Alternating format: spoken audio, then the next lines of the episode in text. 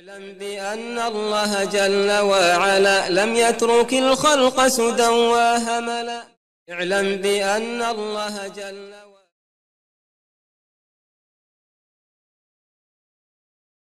السلام على رسول الله استعين بالله لا حول ولا قوة إلا بالله. اللهم لا سهل إلا ما جعلته سهلا وأنت تجعل الحزن إذا شئت سهلا. اللهم أرنا الحق حقا وارزقنا اتباعه. وأرنا الباطل باطلا وارزقنا اجتنابه. ولا تجعل الحق ملتبسا علينا فنضل.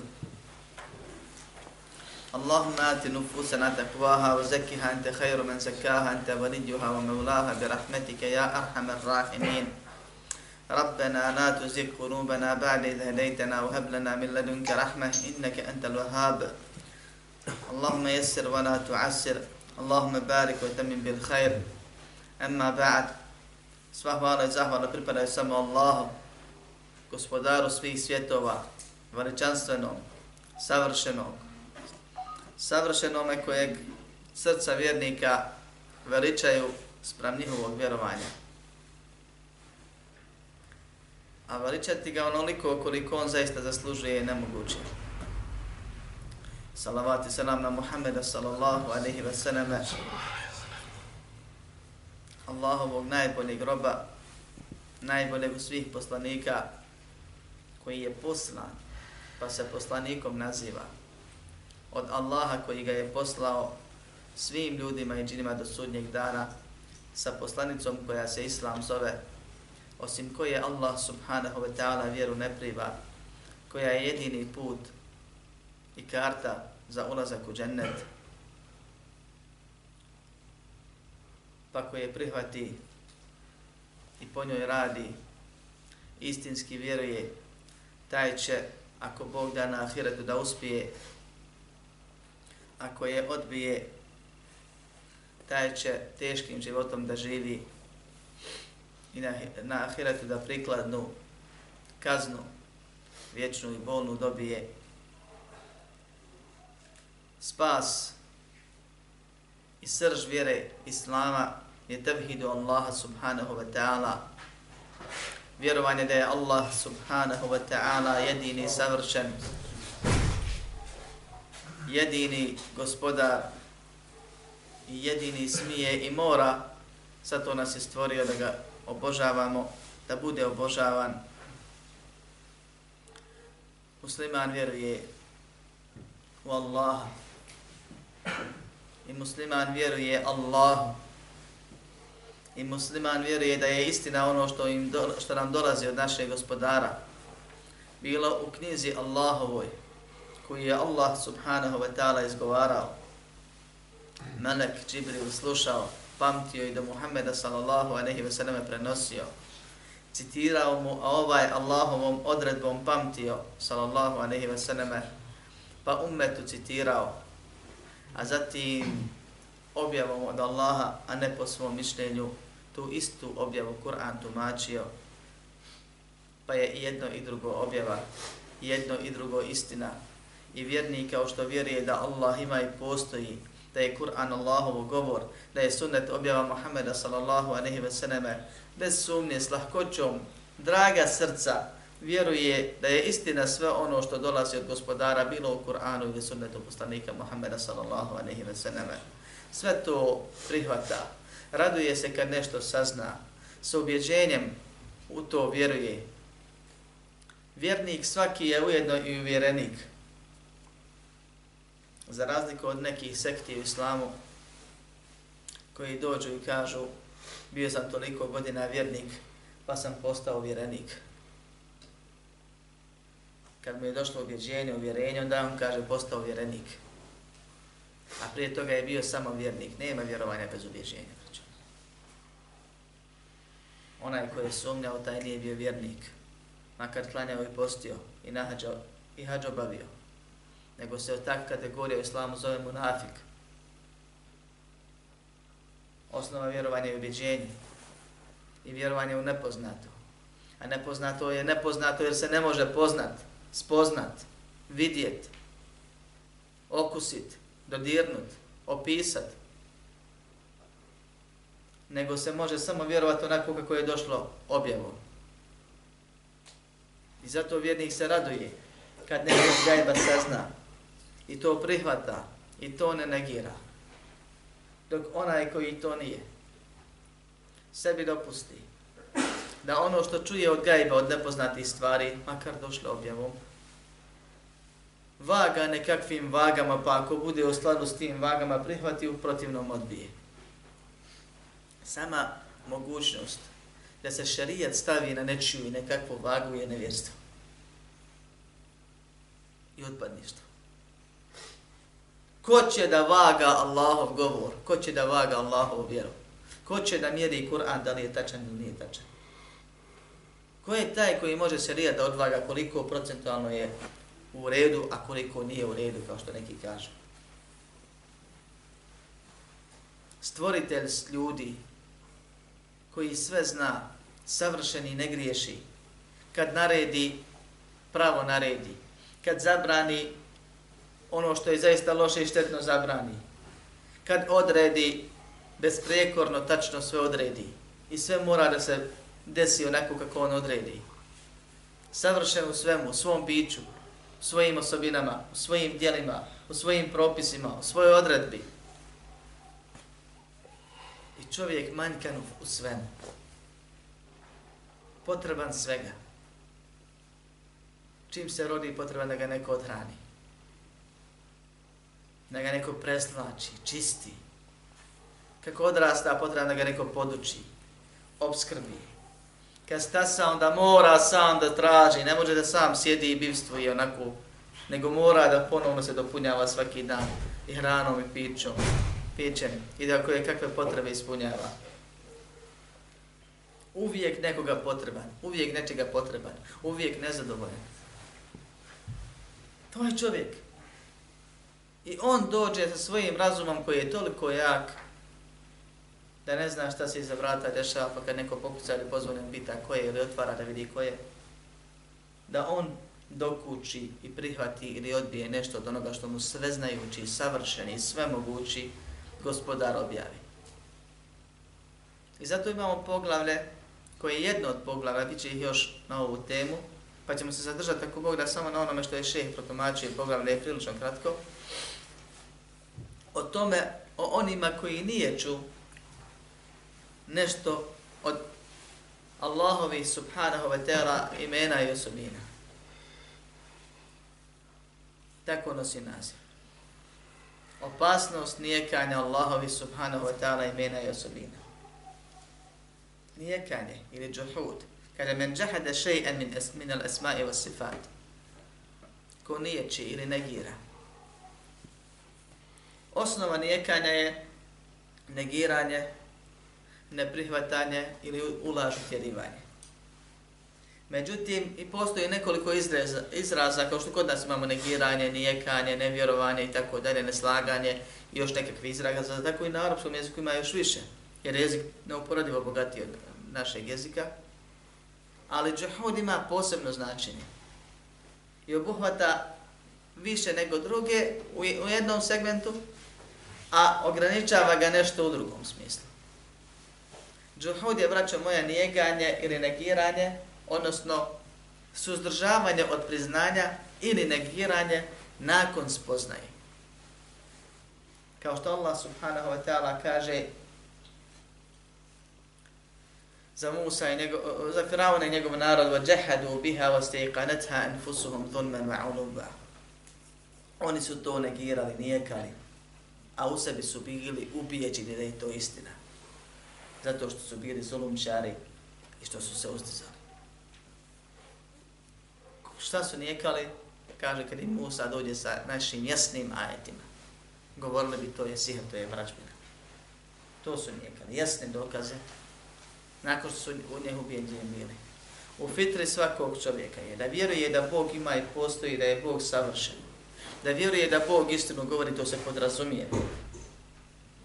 I kad nešto Allah subhanahu wa ta'ala u Kur'anu spomeni, to se za svačiju fitru, pogotovo za onih koji vjeruju, zalijepi. Moraš da se boriš da protiv toga, ako nećeš u to da vjeruješ. I čovjek dobije odmah spoznaju čim čuje.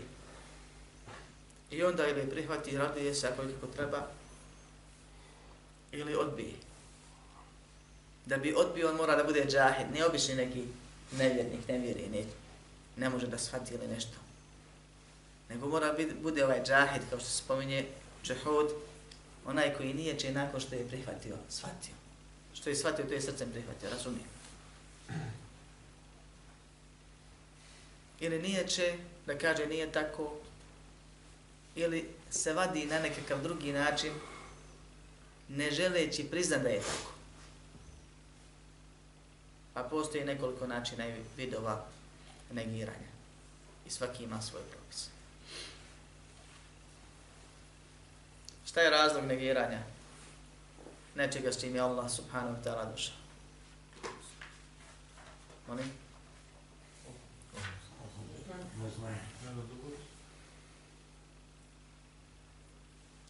I mnogi drugi razlici. Oholost je nešto drugo. Postoji kufra oholosti. Ali riječi vaše neznanje i neobjeđenje negiraju sve ovo što ja sad pričam. Kažem da je džuhud negiranje nakon spoznaje. Znači zna. I ubijeđen. Kao što je faraon bio ubijeđen. Nego ga šetan, bolesno srce, neki drugi razlozi, nekad šubha. I zbog ovoga to pitam. Neka nejasnoća koju je pokupio iz šarijeskih razloga on negira nešto od šarijeta. Bježeći od nekakvog dijela ili nedjela kufra grijeha, on sebe dovede da mora da nešto da ispravlja jer njemu ni to nije logično, nije u skladu. I najčešće je negiranje Allahovi subhanahu wa ta'ala imena ili osobina, a osobina češće nego imena, dešava se upravo iz ovog razloga. I većina umeta danas ima taj problem što su sebi dali nekad davno ili neko im je ubacio šubhu da ono što razum ne može da prihvati to sigurno nije u skladu sa šarijatom. I druga šubha da čovjek mora da bježi po svaku cijenu praktično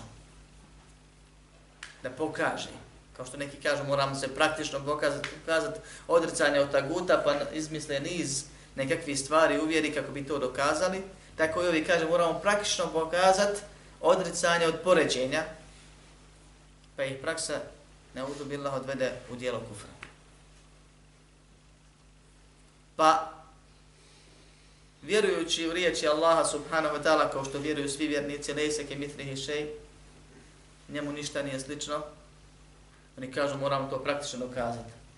Pa svaka osobina koju ima Allah, ili za sebe tvrdi da Allah da ima, a ima i ujedno istvorenja, mi to kaže moramo negirati.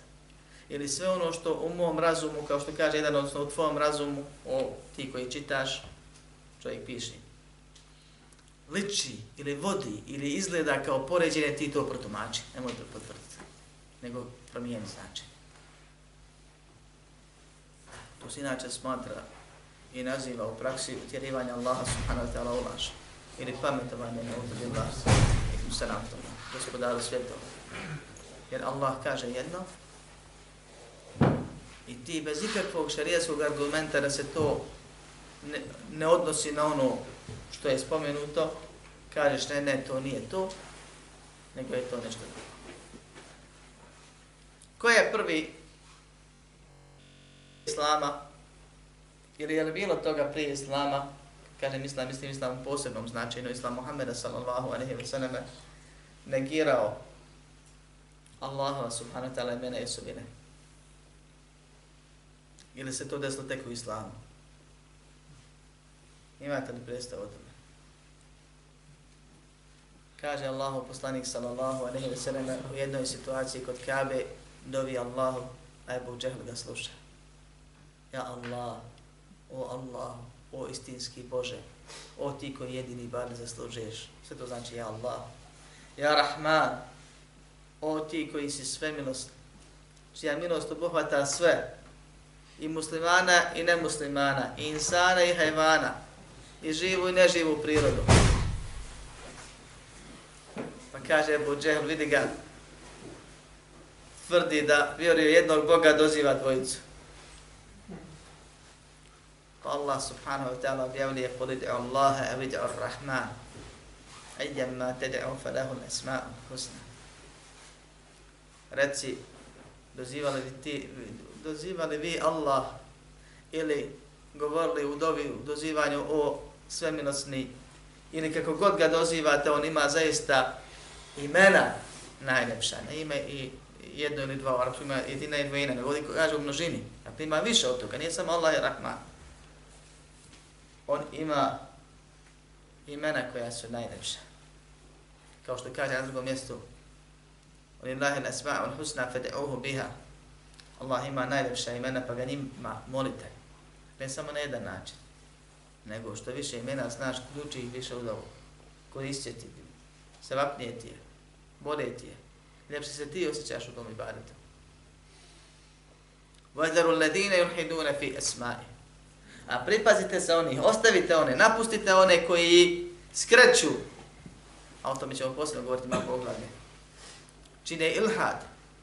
Neispravno vjeruju, negiraju. Tumače pogrešno njegova imena. Oni će dobiti ono ili nagradu skladno onome što su radili. Kao što kaže u nastavku ajeta dolazi Muhammed sallallahu alaihi wa sallam sa ashabima na Hudaybiju. I dolazi ashab s druge strane, odnosno predstavnik mušrika koji je kasnije islam primio pa bio ashab, koji je bio? Ko je pregovarao na Hudaybiji? Gdje? Provjerite to kod će. Kaže mu Bismillahirrahmanirrahim, piši. Kaže, ne znamo mi nikakvog Rahmana. Ne piši Bismika Allahumme, u ime Tvoje, o moj Bože. Na jednom mjestu kažu, mi ne znamo da ima ikakav svemilosni osim onog što svima daje milostinju, pa ga zovemo sve milostni iz, iz Jemame. Bio čovjek da režbi puno, pomagao ljude, dijelio milostinju na sve, sve strane, pa njega su zvali Rahman.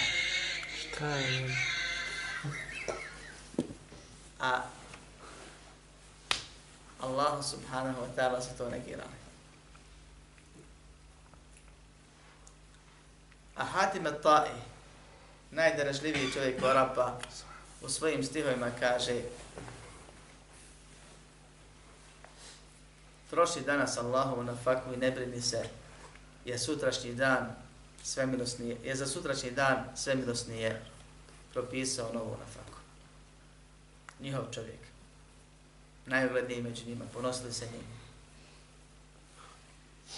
Naziva u stihovima svemilosni. Nije da nisu znali. Nije da im je to novo. Nije prvi Kur'an došao s tim. Nego su oni nisu htjeli da vjeruju u to. Pa su negirali. Ko? Mušlici. Gdje će završiti mušlici?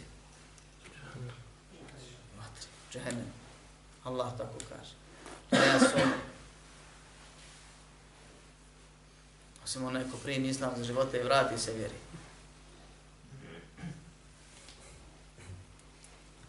Allah subhanahu wa ta'ala zato kaže u Kur'anu opisuje i kaže vahum yakfuruna bir rahman oni ne vjeruju u svemirosnog nije rekao oni ne vjeruju u ime Allahovo svemilosni. Nego kaže oni ne vjeruju u svemilosnog. Ko? jesu mušici vjerovali u Boga? jesu bez sumnje Allah do Kur'anu spomina mnogo mjesta. Jesu li mušlici Mekke negirali ime svemilosni? Je li Allah rekao negiraju ime svemilosno? Nego je rekao ne vjeruju u svemilosno. Šta se iz ovoga zaključuje? Ko negira jedno Negira Allahu jedno ime. Taj ne vjeruje Allah onako kako treba vjerovati onako kako Allah je naredio da se vjeruje onim vjerovanjem koje koristi za ulazak u džennet. A to što ti vjeruješ, vjerovat će vjeri, nevjernici u džehennemu sve sumnje. Vjeruje Iblis, razgovarao sa Allahom, ne sumnja. Nije svako vjerovanje islamsko, ispravno vjerovanje. nego je samo onako vjerovanje kako Allah od nas traži ispravno i prihvatljivo i uspješno vjerovanje koje će biti razlog uspjeha. Negiranje jednog Allahovog imena je osnovi kufra. Ili jedne Allahove osobine. Ili jedne riječi koju Allah objavili slova iz Allahove knjige.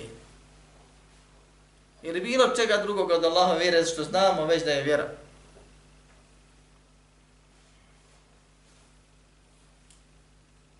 Zar vjerujete u jedan dio knjige, a drugi ostavljate, Allah kaže. Si vjernik ili nisi vjernik? Ko si ti da meni kažeš da nisam vjernik? Ja vjerujem. Ti si prijatelju moj manje ubjeđen nego i bili sigurno. Ti vjeruješ u Boga, a s njim nisi razgovarao. Iblis vjeruje u Boga i razgovarao je s Bogom i najveći je nevjernik, vođa svih nevjernika do svih dana. Jer nije samo vjerovanje u Boga, vjerovanje.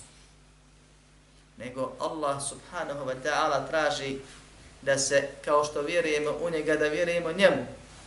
Da ga ulažno utjerujemo. Da ne negiramo nešto od onoga što je naredio. I ne samo to, nego da radimo po tome koliko možemo. Da osnove koje Allah pocrtao kao osnove, kao takozvanu crvenu liniju kod ljudi i tako se izražavaju, da ne prelazimo. Jer ima uvjeri crvena linija, ako prijeđeš nisi vjernik, jedan, iako i da ne vjeruješ. Su dijela nevjerstva, to su temelji, to je tevhid. Ne radi dijela nevjerstva. Ne ništi temele tevhida imana.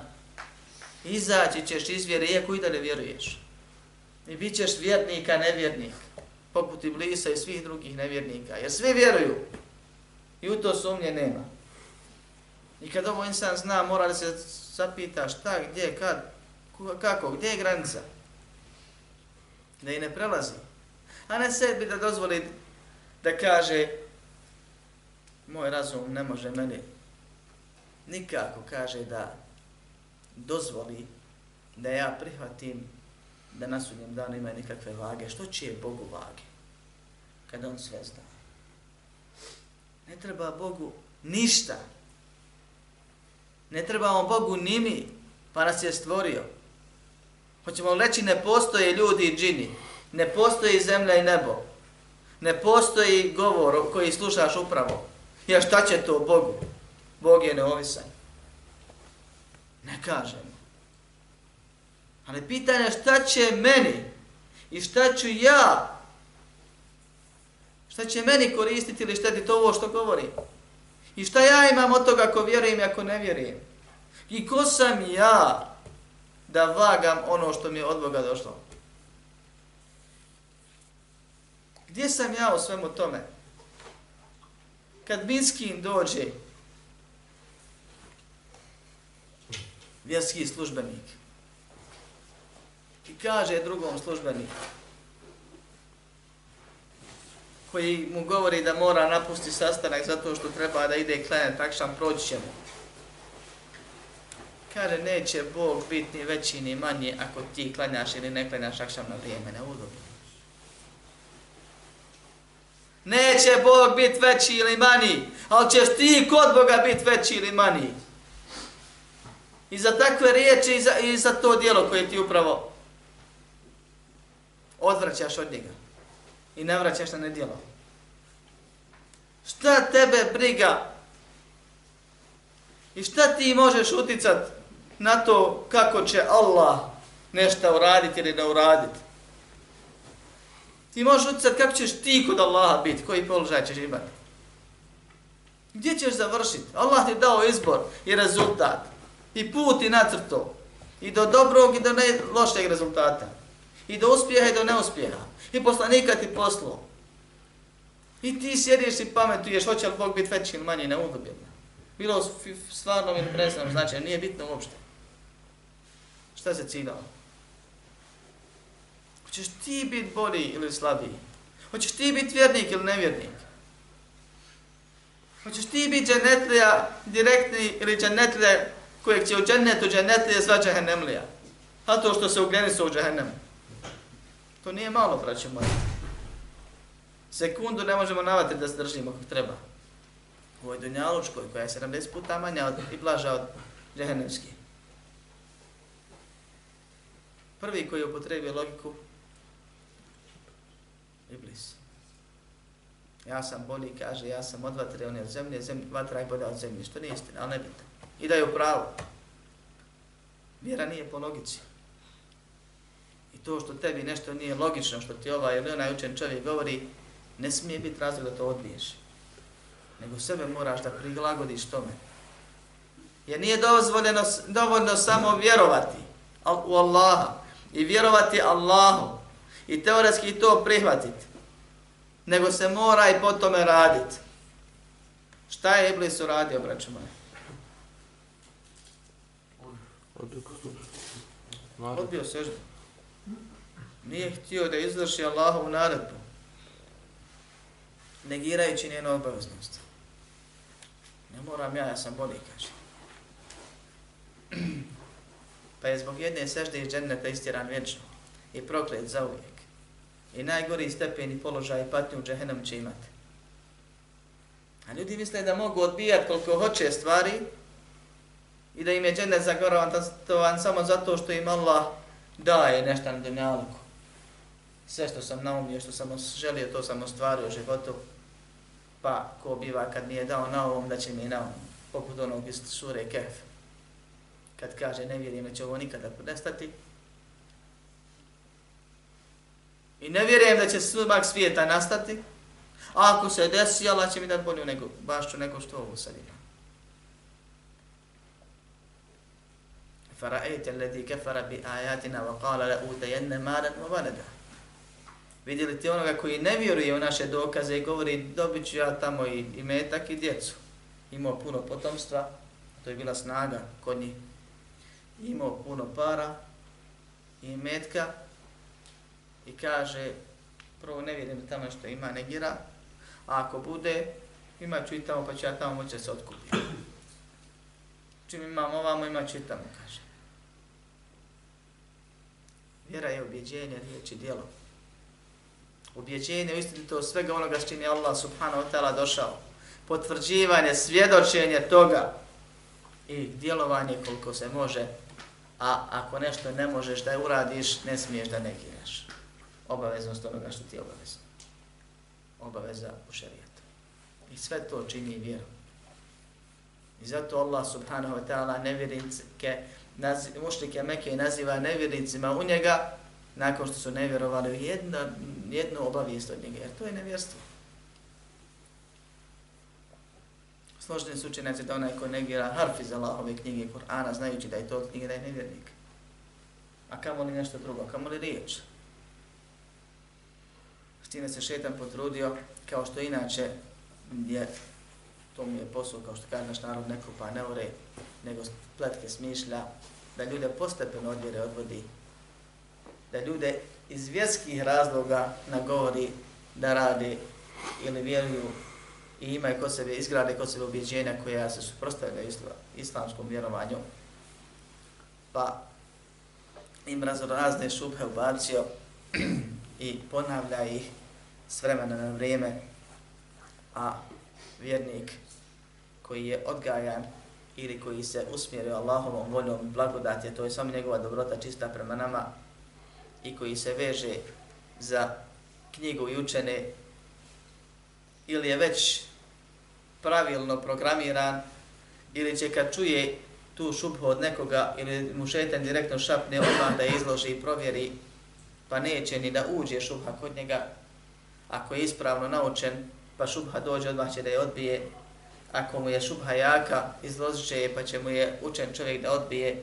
U oba slučaja neće na njega da utiče, a onaj koji je krivo nasađen, taj će da šubhu upije i da učenje nima pametuje i da ih ispravlja i popravlja bez obzira kakvo se šubhe radi i da govori kako mu nije logično, ko nekao šeh iblis.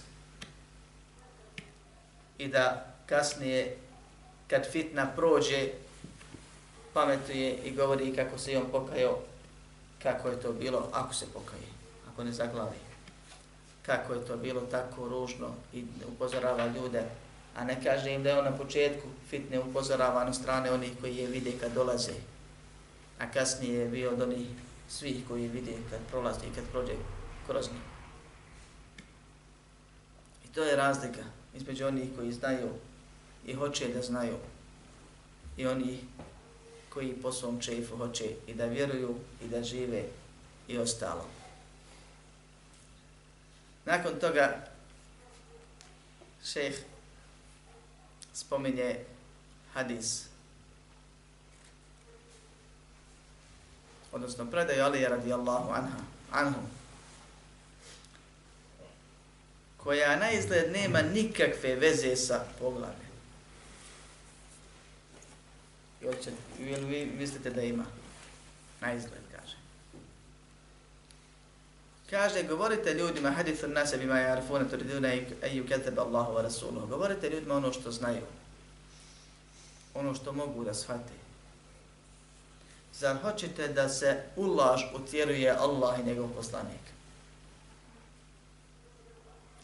Poglavlje je o opasnosti negiranja Allahovih imena i osobina. Počinje sa ajetom gdje Allah mušrike naziva nevjernicima zato što su negirali jedno Allahovo ime nisu htjeli da potvrdi. I nakon toga govor Ali je radijallahu anhu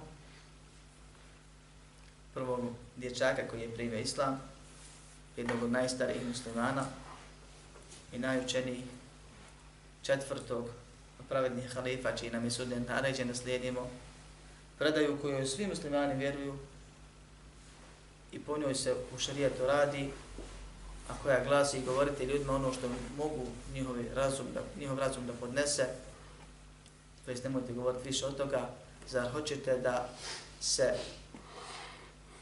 da ih dovedete u situaciju da negiraju, utjeruju u laž Allaha i njegova poslanika. U jednoj predaj Ibn Mas'ud, radijallahu anhu, kaže kad god ljudima budeš govorio ono što oni ne mogu shvatiti i pred njih budeš iznosio ono što ne mogu shvatiti, bit će nekima od njih to veliko iskušenje, fitna. Znači napravit ćeš belaj. I ona se odnosi na isto na što se odnosi ova predaja. Neko se pita da ova predaja nije ubačena, jer ponovno nastavlja kasnije da govori o Allahovim menima i osobinama. Onaj ko nije učio i razumio izreke učenjaka od ranije pratio ili komentare knjige Tevhida pratio, taj će doći u situaciju da kaže odlično, ovo je ono što nam govore na nekim mjestima, a to je da govor o Allahovim osobinama ne treba među obične ljude širiti. Jer šeh nakon negiranja osobina dolazi s ovom predajom, znači on hoće to i to. Sjećam se jednog šeha koji nam je govorio kako postoje suneti prije džume. I dokazivao sa poglavljem imama Buhari u svom sahihu poglavlje sunetima prije i poslije džume, a Buharija samo tamo naveo sunete posle džume, a nije naveo ništa prije džume. Pa šeheh kaže, ovo je očit dokaz da postoje suneti prije džume, jer Imam Buharija kaže da je napisao sahih između toliko i toliko 600.000 hadisa koje zna na pamet, pa je zbog toga on nama išaretio postoje hadisi prije, za prije džume, samo ih ja nisam ovdje htio spomenuti, zato što sam ja probao. I zato sam, kažem, u naslovu rekao prije i poslije džume, a stavio hadise poslije džume i dovoljno je to. I nekima od nas koji smo slušali to bile fitna, a drugima nije bilo fitna. I su ljudi već učili fik po sunetu. I znaju da nema suneta prije džume. Kad se to iznijelo naučeni ljudima muhadise koji su u struci, onda su oni rekli da taj šejh nije razumio i nije učio sahih Buharije kako se komentariše. Ciljeve Buharije, metodu Buharije u pisanju sahiha. Jer Buharija je tim svojim poglavima odgovarao na isto mišljenicima, tim svojim naslovima. I kad im kaže poglavlje o sunetima prije i poslije džume i stavi hadise samo poslije džume, ili kad bi stavio samo prije džume, na primjer, hoće da im kaže da ima šta prije, ja bi spomenuo. Pošto nema ništa od suneta, znači i ne treba. Upravo suprotno ono. E tako ti neki na osnovu predaje da je i nju citiraju često, govore ljudima nešto što je krupno, a to je nemojte Allahove osobine širi, kaže, među običan svijet. Čak se prenosi od mama Malika da je nešto o tome govorio, pa neki kažu nije vjerodostojno, a drugi kažu odnosi se na ono što je ispravno. To je da neko vrstu znanja treba od nekih ljudi sakriti. Vjerujete li vi ovo što sam vam rekao? Da je neku vrstu znanja treba od nekih ljudi sakriti. Ili, ne, ili, se, ili se ne slažete? Ili se ne slažete? Ovo samo ova rečenca. Treba li neku vrstu znanja od nekih ljudi sakriti? Ili treba svima sve reći? Treba. Treba. Ne može, slušao da ne treba. ne može svako podnijeti. Govori se samo što da. Da, da ste se ništa onda idemo dalje. Da svog da je Trebaš imena spomenuti pa da ja odgovaram nekom imenom prezmenom. Ne, ne, nego... Ale, neka, polako. Kaže Alija, pričajte što razumije. Nije neki Alija vam lijevi desni, nego Alija radi Allah van. Jer ako ne budete to radili, ako sve im budete govorili, dovešćete ih u situaciju da ne vjeruju, da negiraju nešto od onoga što Allah poslanik kaže. Isto to kaže Ibn Mesud. Međutim, vratimo se na ovo prvo. Kaže šehe Islam ibn Taymiye, ne znam nikog od Selefa. Da je rekao da treba krit od ljudi nešto od Allahovi osobine. Zbog toga neki ljudi kažu od malika što se prenosi nije ispravno, drugi kažu ispravno, ali se odnosi na neke osobine koji nekima mogu biti fitna, a treći kažu ovaj da govor o Allahovi subhanahu wa ta'ala osobinama je nemoguće da je Malik rekao iz jednog razloga, nebitno je li to ima Malik rekao ili nije rekao, imaju učenjaci ashabi prije Malika koji su prenosili hadise osobinama. Tako da to ostavljamo za imama Malika, rahimahullah. On je bio imam i nećemo navoditi, a pošto imaju tri opcije, u, u jednoj od njih je možda pogriješio, u ostalima je bio pravu, tako da nećemo o tome govoriti, nego je bitno ova, ovo, ovaj, razlog koji ih spominju zbog čega oni ne vjeruju da je Malik rekao. Kažu, u hadisima o osobinama se uglavnom nalazi sve ono što se nalazi u kuranskim ajetima. Pa kad bi ti rekao ljudima, ko što kažu novotari, u sifatima, osobinama, nemojte ljudima govoriti hadise o sifatima. To bi nužno podrazumijevalo da im kažeš nemoj, ne dajte ljudima Kur'an da ga čitaju. I ovo je, braćo moje, jak dokaz. Da se kao izrekalije ne odnosi na to. I šehi je upravo zbog toga spomenuo u knjizi Tevhida.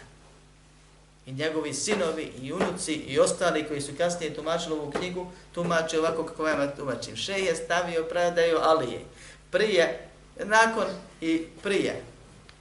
Dakle, između hadis, između dokaza koji govore o obaveznosti vjerovanja osobine i opasnosti nevjerovanja osobine, da kaže kako ova izreka ali se ne odnosi na dokaze o Allahovim osobinama, nego na neko drugo znanje. Ili se može odnositi u nekim posljednim situacijama, kao što neki tumače govori mama Malika. I kaže ših Ibn Taymiyyah, rahimahullah, ne znam nikog od Selefa da je zabranivao ili govorio ili da je se ustručavao da govori o Allahovim osobinama. Već je to obaveza. I Allah subhanahu wa ta'ala u Kur'anu na nekoliko, na mnogo mjesta govori o svojim raznim osobinama. Da čuje, da vidi, da sve zna, da sve gleda, da sve nacire, da svim, sve kontroliše, da upravlja, da se spušta, da je uzdignut, da se uzdiž, da, da, da je uzdignut, da se njemu dižu dijela, da se od njega spuštaju meleci, da on spušta govor i tako dalje i tako dalje, a da se spušta je došlo u hadisu.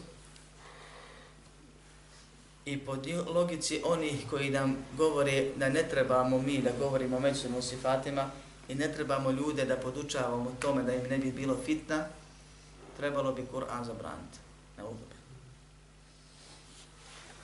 I zato dođu i pričaju i pozivaju i teoretišu i Platonom, Aristotelom i drugim uh, i, i, i, imamima Islama dokazuju.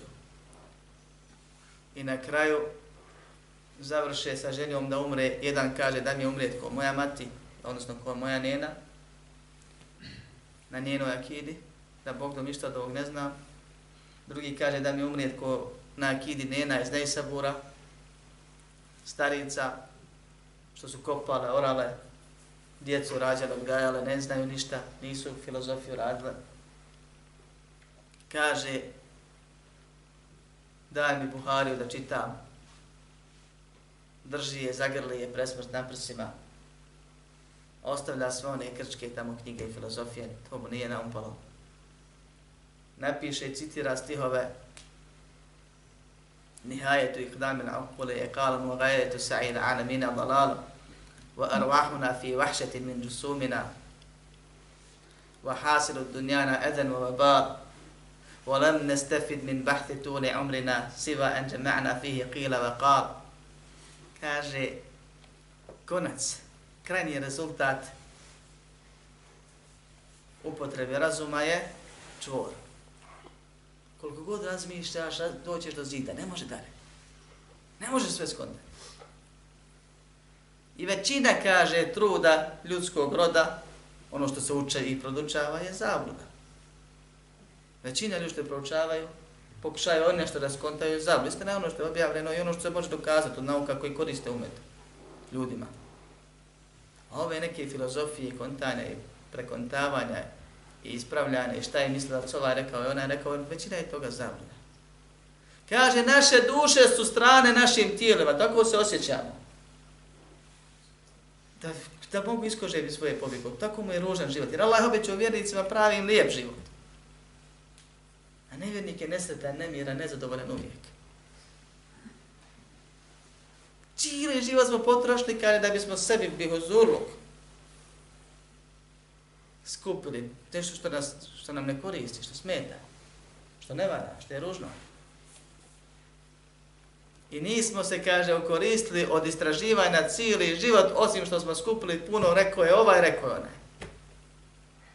E, to je stanje onih koji daju prednost razumom nad šarijatom.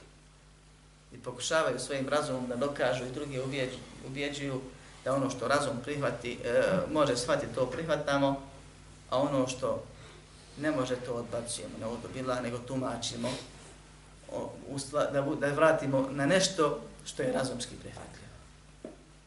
Pa kad kažu Allah se smiluje, kaže ne smiluje se Allah nikome milost znači slabost, nego Allah želi da oprosti. Allah želi da nagradi. Žena je žena, a milost je milost. Su različite osobine.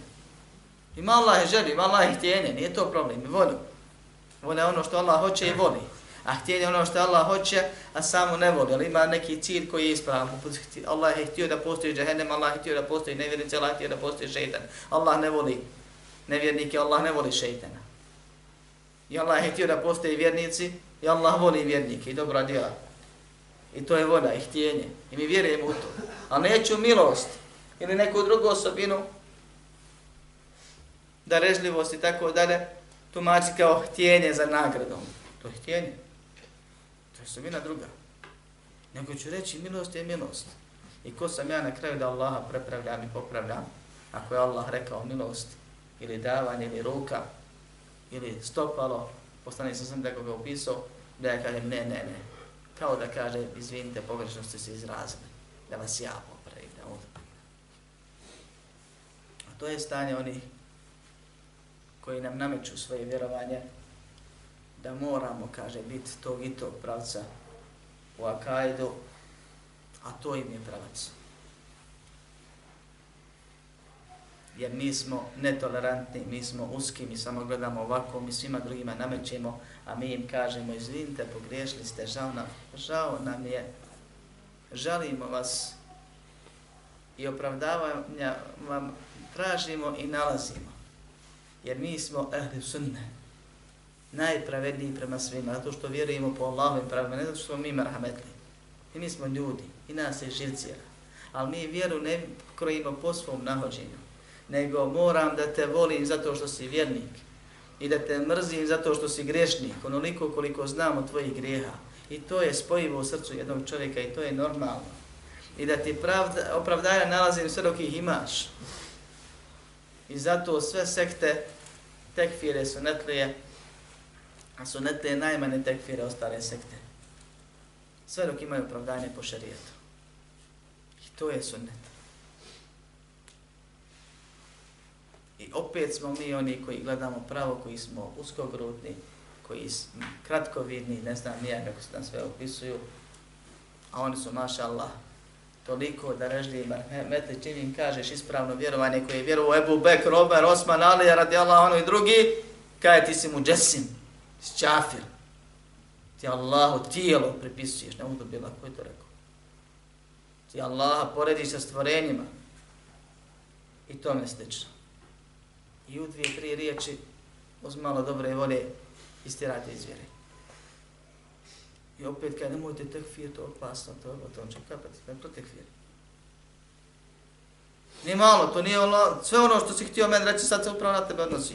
O opasnosti tekfira, o problemima, o...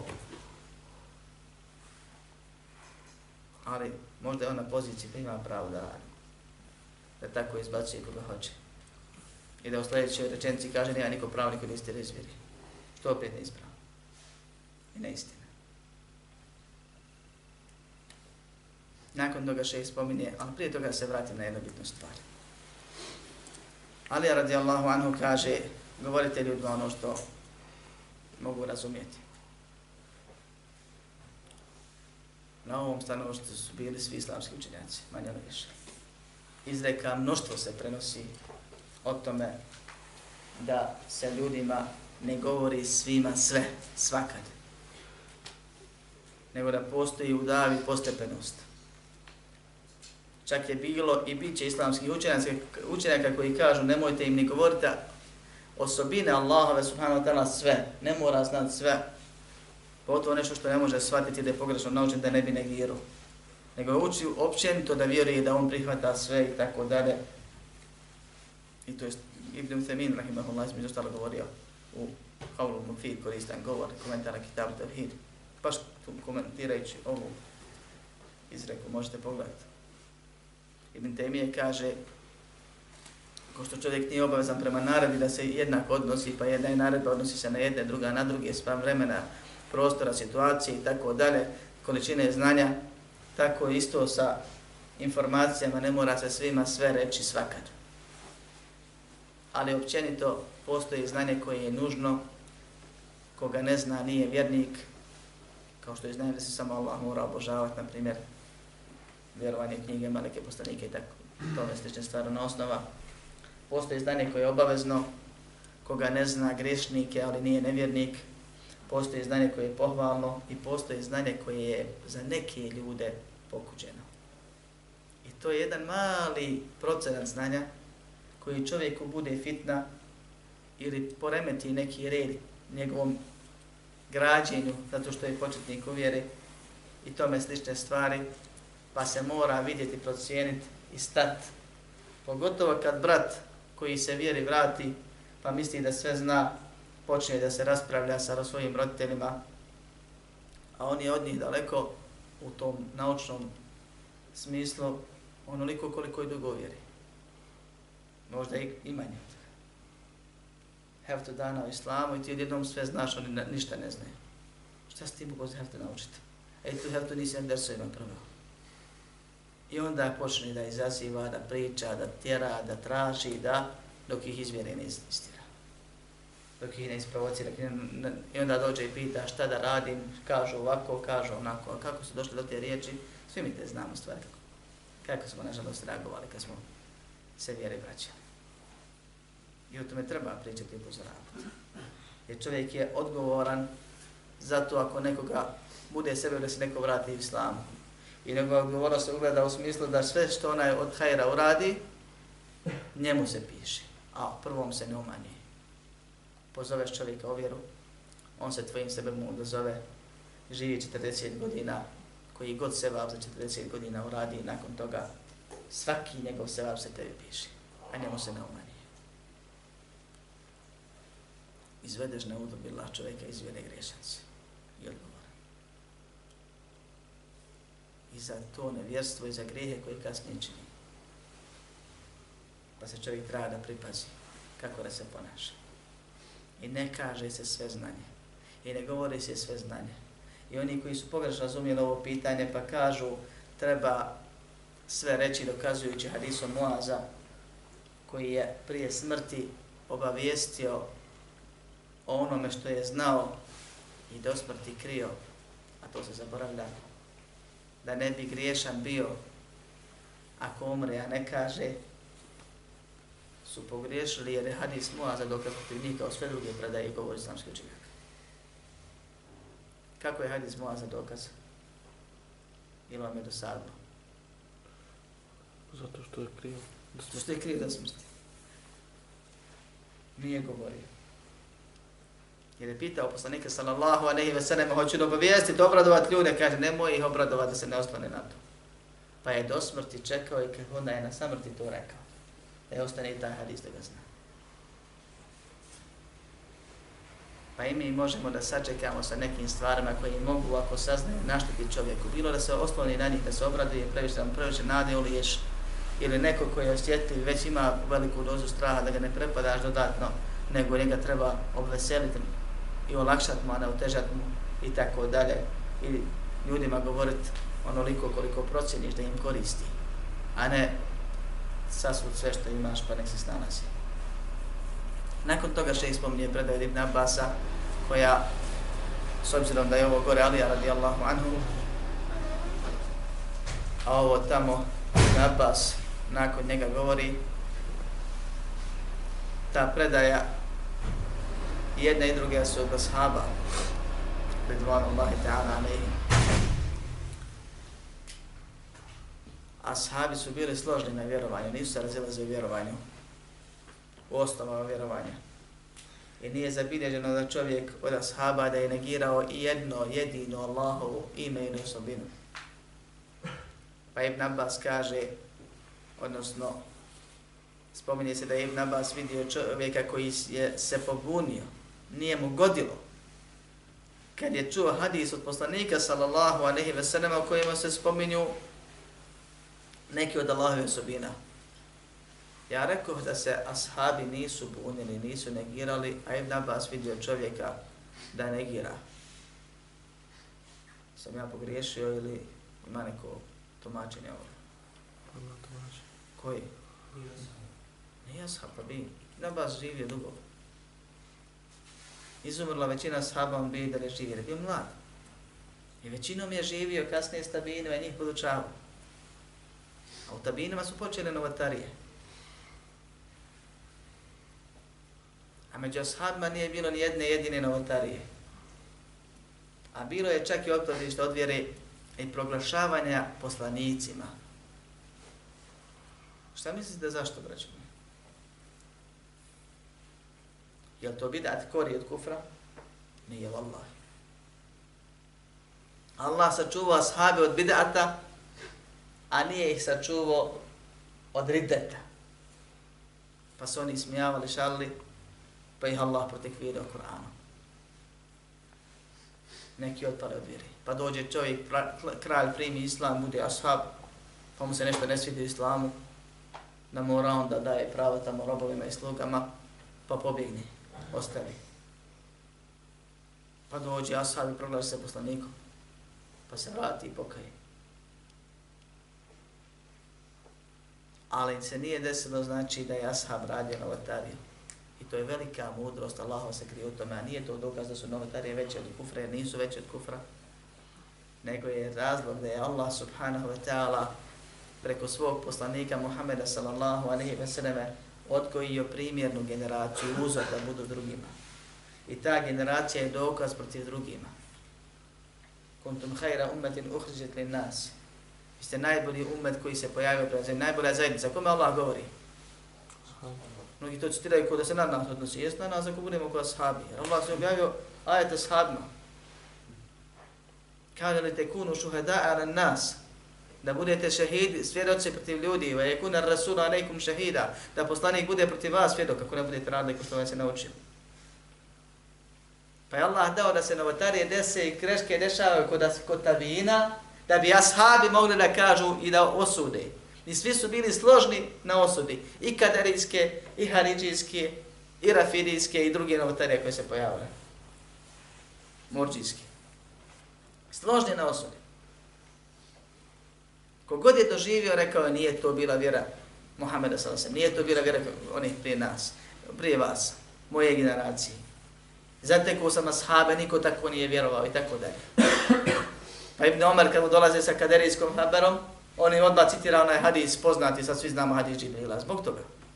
I kaže, kad ih sretnete, kad se vratite tamo dakle ste došli, recite im da Ibn Omer je čisto od njih, odreće se njih. Jer vjeruju suprotno od onoga što smo mi ashabi naučeni. Ibn Mes'ud spominje se, kad mu je opisan Haridžija, kaže da ih sretnem, da ga mogu sret, srest, rekao bih mu približi se, a bio je slijep. Da te zadavi. Jer poslanik sam rekao, gdje god ih sretnete, ubijajte ih.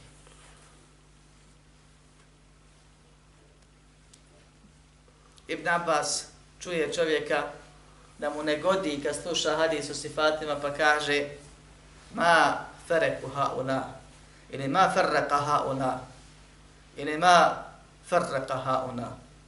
Vama sve dijeli isto. Nekad je do naglaska, a nekad do teštida. Kažeš, čega je strah ovih? Po jednom po jednoj varijanti. Razgleda se kod mačine šta je tu, jer nije bilo prije hareketa i teština. pa je ferak, strah. Čega se boje, kaže ovi? Ili, šta razdvajaju ovi? Ili, nisu razdvojili ovi kako treba, to jest između istine i zavode. U oba slučaje negira i čudi se stanju njega i njemu sličnih ljudi. Kaže, je džidune, rikatena inda muhkemihi wa jahlikuna inda mutešabihihi. Kaže, razniješi se kad čuju nešto od jasnih ajeta. A propadnu odmah u helač odu, jehlikun. Kad im se kaže nešto što je njima nejasno. I ova prda je zloupotrebljena od nekih, jer ovdje Ibn Abbas kaže mu tešabih, cirajući na sifate koji negiraju novotari pa je bilo učenjaka koji su pogriješili i jesu odrasti u sredinama i tako su naučeni, iako su rezultat krajnje imali, ali bi u uvodu govorili da su od ajeta koji su mutešabi manje jasnih ajeta. Allah u Kur'anu kaže da objavio knjigu koja u sebi sadrži jasne ajete koji su većina i da ima one koji su manje jasni. Pa je dio smatro da su osobine ili ajeti dokaze ovaj, osobinama da su oni od manje jasnih ajeta. I to je greška velika. I to je neispravno mišljenje. To su jasne stvari. Njihova kakvoća je nejasna, mi ne znamo, ne možemo nikad znati. Dok ne vidimo. Ako vidimo nešto, od toga nas u njem dani. Ali ono što je Allah subhanahu wa ta'ala obavijestio, jasno je obavijestio. I da se spušta, i da je se uzdiže, i da se uzdigao, i da je uzvišen, i da je iznad arša, i da ima ruke kako njemu dolikuje, i da ima noge, i da ima oči. I ono što nas nije obavijestio, to ne negira. Osim ako se radi o nečemu što znamo da se suprostavlja Allahove spadala potpunosti. Ali to ne i ne govorimo i ne potvrđujemo. Pa kažemo Allah čuje, a ne kažemo Allah ima uši. Jer nema nigdje dokaza u Allah ima uši. I svi dokazi o koji govori Allah imenima i subinama su jasni. Ili su ajeti čiju vjerodostojnost ne sumnjamo, ili su hadisi, ako su vjerodostojni, onda su jasni. Jer nema, braćo moja, kolizije, suprostavljanja, razilaženja između vjerodostojne objave i zdravog razuma. Problem je kad ti sipaš čistu vodu u prljavu kantu, Pa nije voda prljava, voda se isprljala jer je kanta bila prljava. Posuda nije bila čista. A kad se očisti posuda pa se naspije čista voda, voda ostane čista. E objava je čista. A srce može biti čisto ili zaprljano, razum može biti zdrav ili manje zdrav, pa da iskrivi, pogrešno shvati ili ne može da istinu prihvati i shvati. Stoga kaže, kaže, razblaže se, ražnježe se kad čuje nešto što im godi, što je jasno. I od, u propast, u helač odu kad čuje nešto što je po njima nejasno, što im ne godi. Šta znači ovo, braćo? Šta vi razumijete za ovim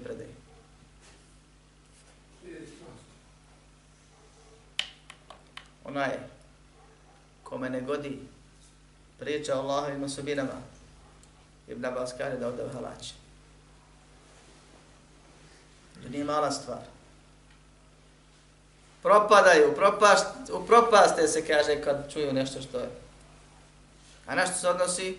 Gore u početku fino kaže, čuje čovjeka koji se pobunio kad je čuo predaju o o Allahu subhanahu subhanahu ta'ala sobina. Pa je zbog toga Ibn Abbas reagovao. Hoće da kaže, šta čega se bojite? Ako ste potvrdili jedne osobine koje su vam jasne, potvrdite i druge, vjeruju Allahu ko što vjeruješ u Allah i ne sikiraj se. Šta god Allahu potvrdimo, znamo da nije njemu ništa slično. I u to prvo vjerujemo. Njemu ništa nije slično. On je izdvajan ga, tevhid kažemo. On je poseban u svojoj savršenosti. Niko kao nije. I završena priča.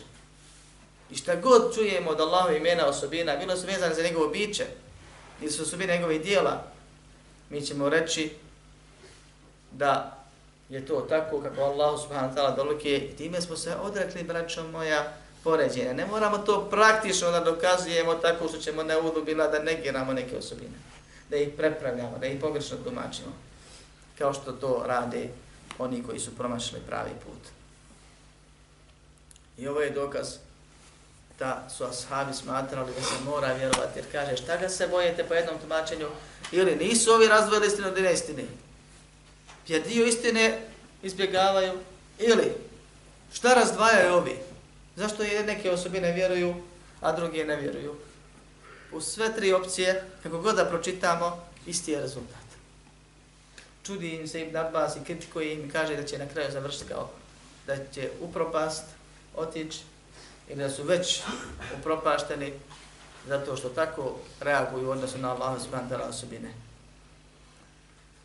Nakon toga še spominje ovdje predaju koja je povod objave ajeta koji smo već tumačili, spominjali smo i kad su Kurešije čuli poslanika sallallahu alaihi wa sallame da spominje Allahovo ime svemilostni Ar-Rahman, to su oni negirali, pa je Allah subhanahu wa ta'ala objavio وَهُمْ يَكْفُرُونَ بِرْ-Rahman oni ne vjeruju u sve milosnog. A o tome sam već govorio. Ovo je ono što je Allah subhanahu wa ta'ala dao da se progovori i da se pokuša približiti stanje onoga koji neće da povjeruje u sve ono što Allah subhanahu wa ta'ala objavljuje, pogotovo o sebi i opasnosti čemu to vodi i koliki je to grije. I kažemo, braćo moja, da svako negiranje i pogrešno tumačenje Allahove subhanahu wa ta'ala riječi pogotovo one koja govori o njemu, njegovog imena ili njegove osobine, je u osnovi dijelo nevjerstva. Međutim, da li je to zaista ujedno i nevjerstvo? Kažemo nije. Uvijek. Jer uvijek je postojala kod muslimana razlika među dijela nevjerstva i samog suštine ili opisa čovjeka kao nevjernika pa negiranje Allahove subhanahu wa ta'ala imena ili osobine. Ako se biva puko negiranje, kaže čovjek ja u to neću ili ne mogu ja vjerujem, ne mogu ja to da shvatim pa u to ne vjerujem, ja to neću da prihvatim. To je nevjesto koje ga automatski izvodi iz vjeri. Jer jednostavno kaže ja neću u to ne vjerujem, vjerujem u nešto drugo. Ili ne vjerujem u to. Ako pak ima neko jezičko opravdanje za pogrešno tumačenje. Pa kaže nije ruka, nego je moć, nego je pomoć. Jer Allah smata time simbolizira, kaže se tako, može se reći ovo, nije uzdizanje, nego je nešto drugo. Zbog toga što u jeziku postoje varijanta ili neko je nekad rekao ili nešto, a ja ako kažem uzdizanje, bojim se da ću izaći iz vjere, ja sam time ga uporedio, ograničio, ne znam nija šta, ne udubila, ako kaže ono što malo objavni. a ovamo imam opciju u jeziku da ne moram baš da vjerujem da je to, to željeno značenje tog termina, nego može neko drugo opcija da bude. Ako se vadi na to, braćo moja, onda to nije nevjerstvo i ovo je šubha koja je prepreka u tekfiru. Onda on nije nevjernik i ovo je šubha koja je prepreka u tekfiru. Njegovo dijelo, braćo moje, njegovo vjerovanje je vjerovanje čije?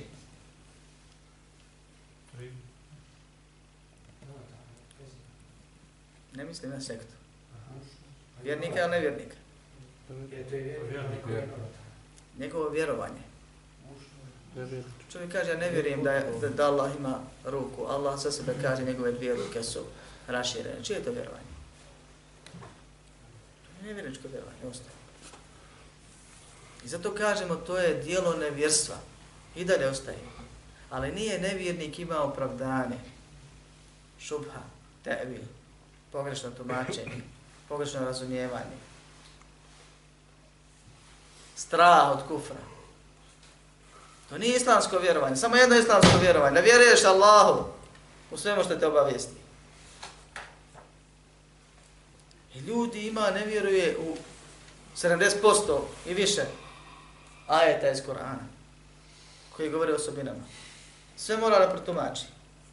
Vidimo mi to po prevodima, po dijelima, po knjigama, po izjavama, predavanjima i tako dalje. Tjera I kaže, ako vjerujete, vi ste nevjernici. Jer ste Allahu poredili sa stvorenjima. I mi to vjerovanje ne smijemo nazvati vjer, islamskim vjerovanjem. U, ono, u osnovi. Jer nije to ono što Allah hoće od ljudi. Ali toga, braćo moja, ne izvodi iz vjere automatski, nego se radi o prepreci u tekfiru, koja se tevil zove, i zato ako čovjek dođe i kaže ja ne vjerujem u tu osobinu, nego vjerujem da je to nešto tamo, pa hlupi nešto što nema veze u jeziku, kaže islamski učenjaci, takav ima isto stanje koje je onaj prvi što je rekao, samo ja nešto vjerujem. Isti mu je propis.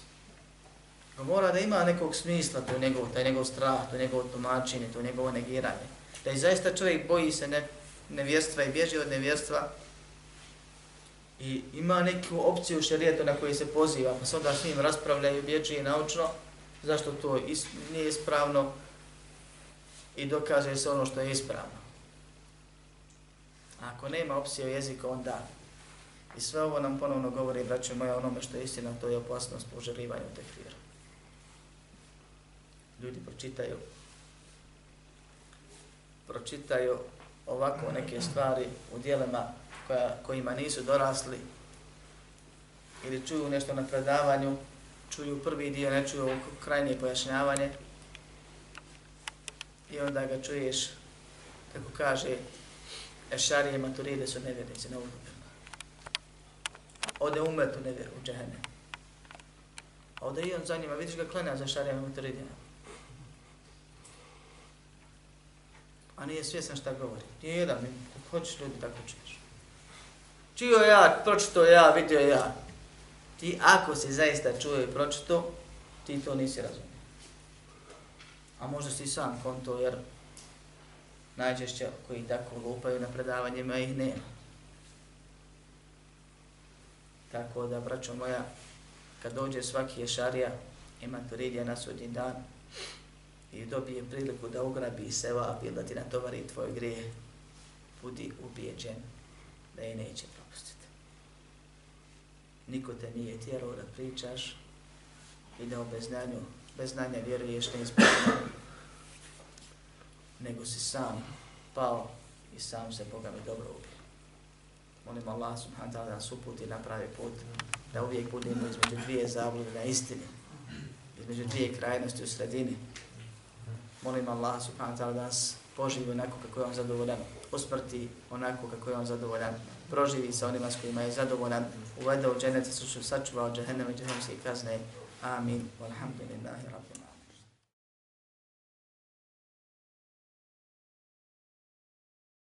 اعلم بأن الله جل وعلا لم يترك الخلق سدى وهملا. اعلم بأن الله جل وعلا